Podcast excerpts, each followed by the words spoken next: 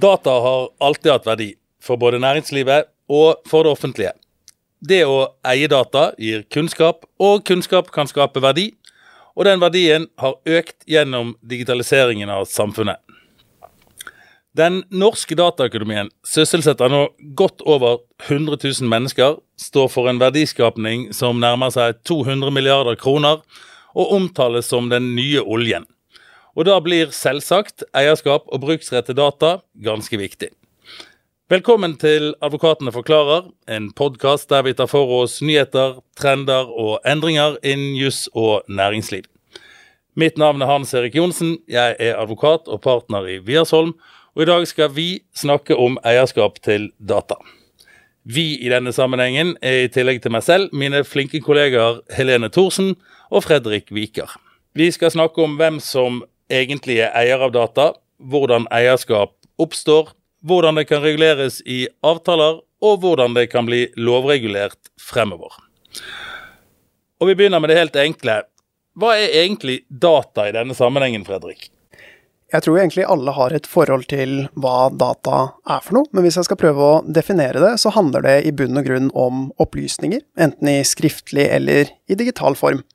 Og det betyr jo at data kan være omtrent alt. Det kan være alt fra rene tall og bokstaver til kombinasjoner av dette, det kan være lengre tekster, men det kan også være bilder og videoer. Men i praksis så er det jo egentlig tall eller verdier som vi tenker på når vi hører ordet data. Og for å gi et eksempel, så vil jo f.eks. en smartklokke, den vil samle veldig mye data. Og det den klokken samler inn, som f.eks. kan være, det kan være pulsen vår, det kan være skrittene våre, kroppstemperaturen osv., det er jo nettopp i kjernen av hva data kan være. Ok, så vi har en masse smartklokkedata. Uh, hvem eier egentlig de? Er det Garmin, eller er det meg? Ja, det er jo det store spørsmålet, og det første man må ta stilling til, er jo egentlig hvordan man definerer eierskap. For eierskap har egentlig ingen juridisk definisjon. Men det man bruker å si, det er at dersom man har visse rettigheter som ingen andre har, så har man eierskapet. Og når vi snakker om data, så er dette retten til å bruke data, til å kopiere data, til å endre data, eh, og det å dele data med andre. Men man må også ha retten til å kunne nekte andre fra å gjøre det samme. For hvis man ikke kan nekte andre å bruke dataen, så er det vanskelig å si at man har eierskapet. Men tilbake til spørsmålet ditt. Er det Garmin som eh, produsent, eller er det deg som bruker, som eier dataen som eh, smartklokken din samler inn? Så spørs dette på hvem som besitter dataen. I hvert fall hvis vi foreløpig ikke tenker på hva som følger av lov, eller hva som følger av avtale. Fordi hvis man besitter dataen, så kontrollerer man dataen. Og da kan man ha eierskapet til dataen bare ved å sørge for at ingen andre får tilgang på den. Så litt forenklet, hvis Garmin sitter på data som du ikke har, så er det Garmin som eier dataen. Hvis du sitter på data som Garmin ikke har, så er det du som eier dataen. Hvis begge sitter på samme data, så har begge rettigheter til dataen. Og da er det kanskje vanskelig å si at det er én spesifikk eier. Det er interessant. Eh, du nevnte lov og avtale i sted, og som gode jurister så får vi begynne med lov, da. Hvordan eh, er eierskapet til data regulert i lov? Ja, Da er egentlig svaret ganske enkelt, fordi det fins ingen generell lov i Norge som regulerer eierskap til data. Ingen generell lov, men har vi særlovgivning, spesiallover som kan hjelpe oss på vei hvis vi eh, lurer på hvem som er eierskapet? Ja, det fins annen lovregulering som ikke direkte regulerer data, men som likevel kan gi en viss beskyttelse til noe som omfatter data. Vi har jo f.eks. opphavsretten og patentretten, som gir oss vern for åndsverk og patenter. Og siden databegrepet er så vidt, så kan noen former for data være beskyttet som et åndsverk eller som en del av et uh, patent. Men dette beror da på en konkret vurdering i hvert uh, tilfelle. Men kanskje den lovreguleringen som i størst grad kan verne om data, er det som kalles databasevernet, og dette er regulert i åndsverkloven. Og dette databasevernet det er eh, vern av samlingen og presentasjonen av data som en helhet. Men det er viktig å huske på at databasevernet ikke beskytter den enkelte dataen i seg selv, men kun en større samling av data. Så databasevernet gir heller ingen fullstendig beskyttelse for data i alle tilfeller. Og til sist så har vi også en lov om forretningshemmeligheter. Data kan jo være forretningshemmeligheter. Det beror på en eh, konkret vurdering. Eh, og hvis man oppfyller vilkårene i loven, f.eks. at man har holdt det hemmelig, eh, så kan data være vernet da eh, som forretningshemmeligheter. Ok, eh, Men med så spredt lovregulering, og kanskje ikke så grundig lovregulering heller, så kan det kanskje være lurt å regulere dette i en avtale? Ja, du har nok rett i det, Hans Erik. Vi har jo avtalefrihet i Norge. Vi kan inngå de avtalene man måtte ønske, og det betyr at dersom man vurderer å dele data med noen, eller skal samarbeide om noe som innebærer at det skapes data, slik at man da ikke lenger har denne kontrollen over dataen, så burde man helst regulere dette i en avtale. Men så er det også viktig å huske på at eh, den avtalen den gjelder kun mellom partene. Så hvis noen får tilgang til den samme dataen på et eller annet vis, så vil man ikke ha regulert eierskapet overfor den tredjeparten. Så en avtale vil heller ikke i alle tilfeller gi en fullstendig beskyttelse. Men det er kanskje likevel den mekanismen som gjør at man sikrer rettighetene sine eh, best, så lenge vi ikke har noen egen datalov.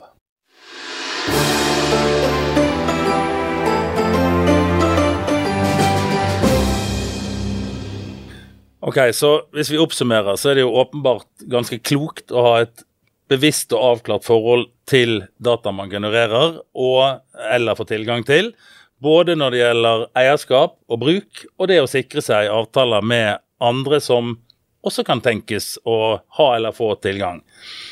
Eh, dette kunne man vel kanskje tenke seg at allerede dekkes av typiske immaterialrettsklausuler som man finner i veldig mange avtaler, men det er ikke du helt fornøyd med, Helene? Vel, vi kan jo absolutt finne regulering av data i en immateriell rettsbestemmelse, men som du sier, Hans Erik, så er jo ikke det det samme.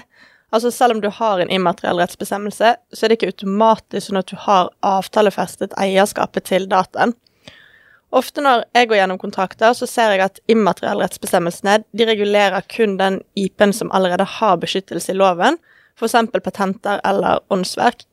Og hvis man har en sånn bestemmelse i avtalen sin, så har man ikke beskyttet dataen.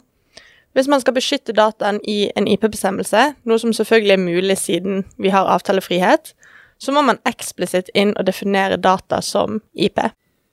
Men er det egentlig nok, altså at jeg definerer data som en del av IP-klausulen, er rettighetene like nok?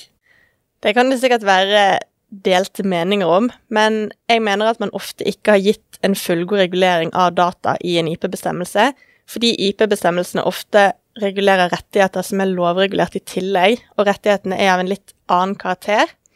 Dessuten, når det gjelder data, så bør man gjerne regulere det litt nøyere og annerledes, og grunnen til det, det er jo at eierskapet til data, som Fredrik var inne på i sted, det har ikke noe solid fotfeste i bakgrunnsretten, og data det har på en helt annen måte, eller det er på en helt annen måte en ressurs som kan deles og forvaltes av mange samtidig, til forskjellige formål.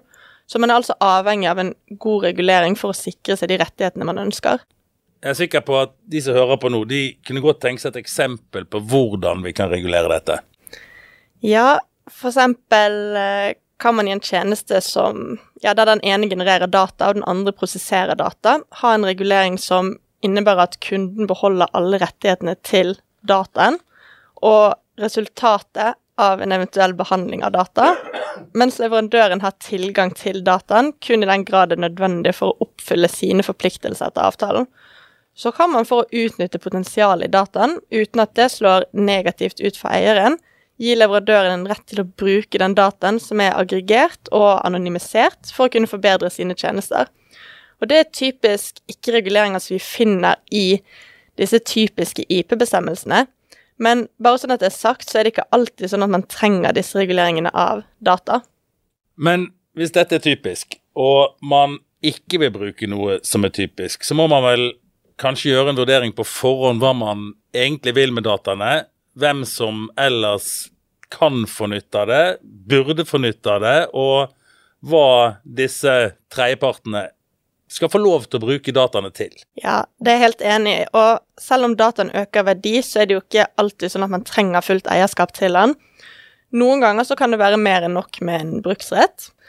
Så budskapet mitt det er vel egentlig at man må tenke nøye gjennom hva man skal med dataen, og så må man utforme presise bestemmelser ut ifra det behovet man har analysert seg fram til.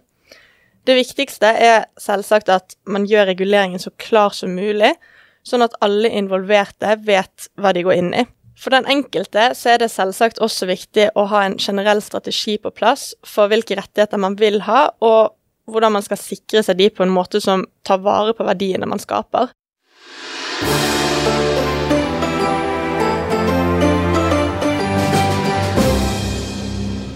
Vi var jo inne på tidligere at det var lite lovregulering av dette, så la oss se litt fremover. For det er jo regulering på vei for alle som er opptatt av måter å bygge virksomheten sin på uh, via data. Um, og som vanlig så har våre venner i EU regulering på trappene, Fredrik. Ja, våre venner i EU har egentlig sett at det er eh, behov for en egen lovgivning knyttet til data. Og det hører jo med til historien her at EU i flere år nå har hatt en egen datastrategi, hvor de har hatt som mål å etablere et indre marked for data i Europa. Og det er egentlig ut fra denne målsetningen at de nå har kommet med et forslag til noe som heter Data Act. Og Data Act er definitivt eh, det viktigste initiativet som har kommet når det gjelder regulering av data, og kommer nok, mener jeg i hvert fall, til å bli den viktigste reguleringen for veldig mange selskaper i årene fremover. Hvordan da? Jo, fordi hovedformålet med DataAct det er å sørge for at dataen som genereres av ulike typer smarte produkter, ikke forblir på produsentenes hender, men deles med brukeren av produktet. Fordi sånn som det er i dag, så vet vi at når produkter samler inn data, så er det produsenten av dataen som har all makten over hvem som skal få tilgang til denne dataen etterpå. Så produsenten bestemmer egentlig eierskapet. Og litt som det Garmin-eksempelet vi snakket om i stad. Hvis Garmin ikke vil dele noe data med deg som bruker, så får jo ikke du tilgang til eller eierskap til dataen. Og dette er egentlig kjernen av hva DataAct endrer. DataAct åpner for at flere aktører skal få tilgang på data, og data skal ikke ligge lukket hos produsenten. Nå var du tilbake igjen i smartklokken min. Hvordan er det? Vil data fra den bli regulert eh, av DataAct? Ja, eh, DataAct gjelder for alle smarte produkter, også klokker. Og med, med, smarte produkter så tenker man på produkter som er tilknyttet en eller annen form for offentlig kommunikasjonstjeneste.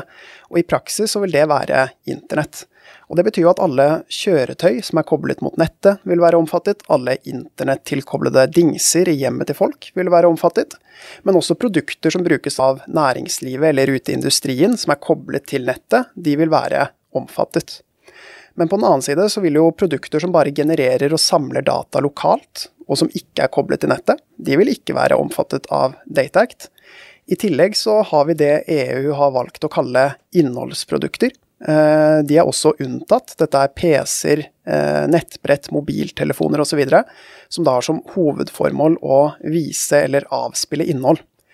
Og et annet veldig viktig unntak er at DataAct ikke gjelder for tjenester. Det gjelder bare for produkter, eh, med mindre tjenestene er knyttet til og integrert med eh, produktet. Kjenner vi jo rett, så kommer vel eh, reguleringen for tjenester etter hvert. Det har de i hvert fall gjort i andre sammenhenger. Men jeg er fortsatt opptatt av hvordan dataen kan brukes av mange uten å redusere verdien for den ene eieren eller de to som eier det sammen. Og sånn som jeg forstår det, så kommer Data Act sånne som meg til unnsetning på det, for den regulerer jo deling, ikke sant? Ja, Data Act oppstiller tre modeller for datadeling. For det første så har vi en modell for deling av data mellom datainnehaveren og brukeren. Brukeren det kan være både virksomheter og privatpersoner. Og her så sier Data Act at den dataen som genereres gjennom disse produktene, som Fredrik snakket om, de skal være lett tilgjengelig gratis for brukeren på en lett og sikker måte direkte fra produktet. Hva hvis det er snakk om flere bedrifter som er brukere, da? Jo, da sier DateAct at alle disse bedriftene skal få tilgang til sin data. Og det krever jo at man har utformet produktene på en sånn måte at det er enkelt å gi riktig person tilgang til riktig data. Her kan det jo nevnes at fortalen til Dataact oppfordrer produsentene til å utforme produktene sånn at man har brukerkontoer for hver bruker, og dermed enkelt kan gi brukeren tilgang til dataen sin. Er det noen bruksbegrensninger uh, når man får tilgang på denne måten? Ifølge forslaget så skal brukeren kunne gjøre akkurat det de selv ønsker med dataen, så lenge det er lovlig. Så det betyr jo at brukeren vil kunne overføre dataen til andre tredjeparter hvis de ønsker det, også hvis det er snakk om konkurrenter. Så nevnte du at det var to andre modeller. Hvordan er de? Den andre modellen gjelder deling av data fra datainnehaveren til datamottakeren, og denne datadelingen skjer kun etter anmodning fra brukeren. Og noe av det EU mener er fordelen med Data Act, det er nettopp denne modellen. For de mener at det f.eks. vil være lettere for brukeren å velge hvilke reparatører man ønsker å benytte. Hvis brukeren f.eks. har en uh, industrimaskin som trenger reparasjon, så vil ikke brukeren være avhengig av hjelp fra datainnehaveren for å gjøre en reparasjon, men brukeren kan her gå til en annen reparatør som vil kunne motta den nødvendige dataen fra datainnehaveren, og dermed kunne fikse maskinen til en billigere sum. Og så har vi den siste modellen, og den går kort forklart ut på å dele data med offentlige myndigheter i tilfeller hvor det foreligger ekstraordinært behov. F.eks. hvis det er snakk om en naturkatastrofe. Men denne deleplikten, eh, er det en plikt til å dele for alle? Nei, det er ett viktig unntak fra forordningen. Såkalte små- og mikrovirksomheter, altså virksomheter som har under 50 ansatte og en omsetning som ikke er høyere enn 10 millioner, de er unntatt fra plikten til å dele data. Så de trenger altså ikke å opptre som datainnehavere, men de har på lik linje med andre virksomheter rett til å motta data, altså de kan være bruker eller datamottaker. Men får alle rett til å motta data? Altså kan, kan eh, store selskaper sitte og forsyne seg med data fra hvem som helst, så lenge de ikke er små eller mikrobedrifter? Nei, det er gjort unntak for såkalte gatekeepers, altså disse store selskapene som Apple, Google, Microsoft og Meta. Disse kan ikke opptre som datamottaker eller bruker, men de vil måtte dele data på lik linje med andre. Ok, Så de har rett til å De har ikke rett til å få data, men de må gi fra seg data. Er det riktig? Det stemmer. Men vi snakket om avtaleregulering i sted. Kommer Data Act inn og ødelegger, om du vil, de gode avtalene som vi sitter og skriver om eh, data og datadeling nå? Data Act vil jo komme inn som preseptorisk lovgivning, altså lov som ikke kan fravikes gjennom avtale. Så det vil jo bety at man ikke kan avtale at datainnehaveren slipper å dele data med brukeren eller datamottakeren. I tillegg til det så inneholder Date Act en regulering av hva som er urimelige avtalevilkår. Ok, så den må vi ta hensyn til i arbeidet vårt fremover. Da vet vi i hvert fall det. Eh, men hvis vi oppsummerer, så er det jo litt fascinerende at Date Act bryter da med den reguleringen som vi på mange måter er vant med. Altså, For immaterielle rettigheter så er vi vant til at den som er den rettmessige innehaveren av rettigheten, har beskyttelse i forhold til det å måtte dele med andre, altså en enerett. Mens Data Act bygger på en måte opp under at deling både skal og bør skje. Og det er en ganske spennende reguleringsmåte. Og selv om vi nå ikke vet helt hvordan Data Act blir til slutt, så anbefaler vi selvsagt at man allerede nå tar hensyn til de konturene av en Data Act som vi ser, både i avtalene man skriver og i strategiene man utarbeider. De som abonnerer på nyhetsbrevet vårt, og det kan man abonnere på via hjemmesiden vår, de blir oppdatert på hva som skjer med Data Act. Så vi anbefaler alle å gå inn og abonnere på det. Takk for at du lyttet. Vi håper at det var nyttig for deg i arbeidet ditt fremover.